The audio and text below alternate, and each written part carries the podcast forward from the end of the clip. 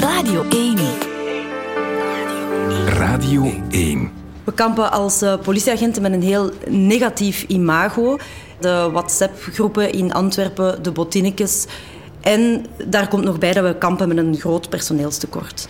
We hebben een game ontwikkeld, een simulatiegame, Netflix, waarin je netflik kan zijn.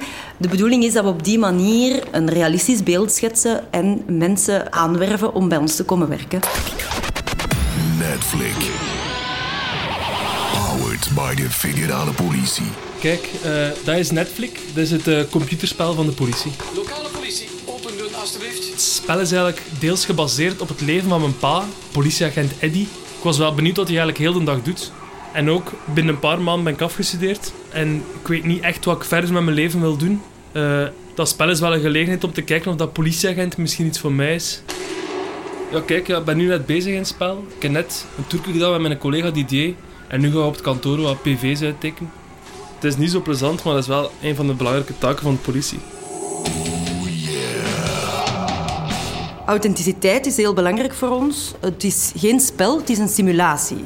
Daarom is het ook gebaseerd op um, echte agenten die ergens hier in Vlaanderen voor een korps werken. Dus ik ga even een profiel kiezen. Voilà, hier.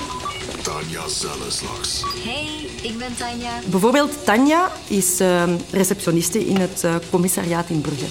Didier de Rave. Didier, tot uw dienst. John Nauwelaars. Of commissaris John Nauwelaars of Eddy. Eddy Vermeulen. Een uh, lokale politieagent bij het korps van Slijdingen. Je koos Eddy Welkom in mijn wereld. Toen ze mij uh, vroegen om een van die personages in dat spel te zijn, was ik wel vereerd. Allee, er zijn heel veel collega's, maar als ze net u kiezen, is teken dat is toch iets bijzonders in. U zien dat je toch iets betekent in hun job. En wat dat er natuurlijk voor mij dan fantastisch was, is dat onze zoon, die is nu 19, en door dat spel te spelen gaat hij misschien goesting krijgen om ook flik te worden, hè, in de voetsporen van zijn vader te treden. Dus ik heb meteen ja gezegd en ik ben dan dus een dag naar Brussel gemoeten om een hoop zinnetjes in te lezen en die zitten nu in dat spel. Je licht vooraan is helemaal naar de knoppen. Dat wordt een bekeuring. Het spijt me. Alle mensen in de game zijn echt, maar ook alle situaties zijn echt. We hebben er bewust voor gekozen om situaties te nemen uit reportagereeksen, bijvoorbeeld de recherche of het leven zoals het is, zodat mensen zich echt iets kunnen voorstellen bij die situatie en zichzelf de vraag kunnen stellen hoe zou ik in deze situatie reageren. We hebben nu een dronken man gevonden die ligt te slapen in zijn auto. En dit is dus wat ze noemen een situatiedilemma. Wat doen we in deze situatie? Lokale politie. Ah, dat is precies een situatie dat ik ken. Dus van het, uh, het leven zoals het is, de politie. Open doen, alstublieft. Maar nu is die man blijkbaar wat agressief, dus nu moeten we beslissen wat we doen. Van waar zegt u dat ik ben? Ik wil u zeggen, wacht. Zal ik aan makken? Ik ga een kopper op aan frater. Hè. Wat zegt u? Een toek op mijn frater? Situatiedilemma. Wat kies je? Op die situatie moeten de gamers dan reageren. In dit geval bijvoorbeeld optie 1.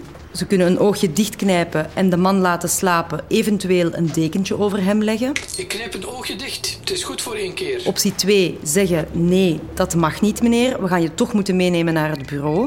Nee, dat mag niet meneer. We gaan je toch moeten meenemen naar het bureau. Optie 3. Als je nu je mond niet houdt, geef ik je een boete.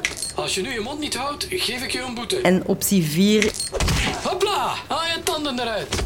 En op basis van die keuze krijgen de gamers dan een score.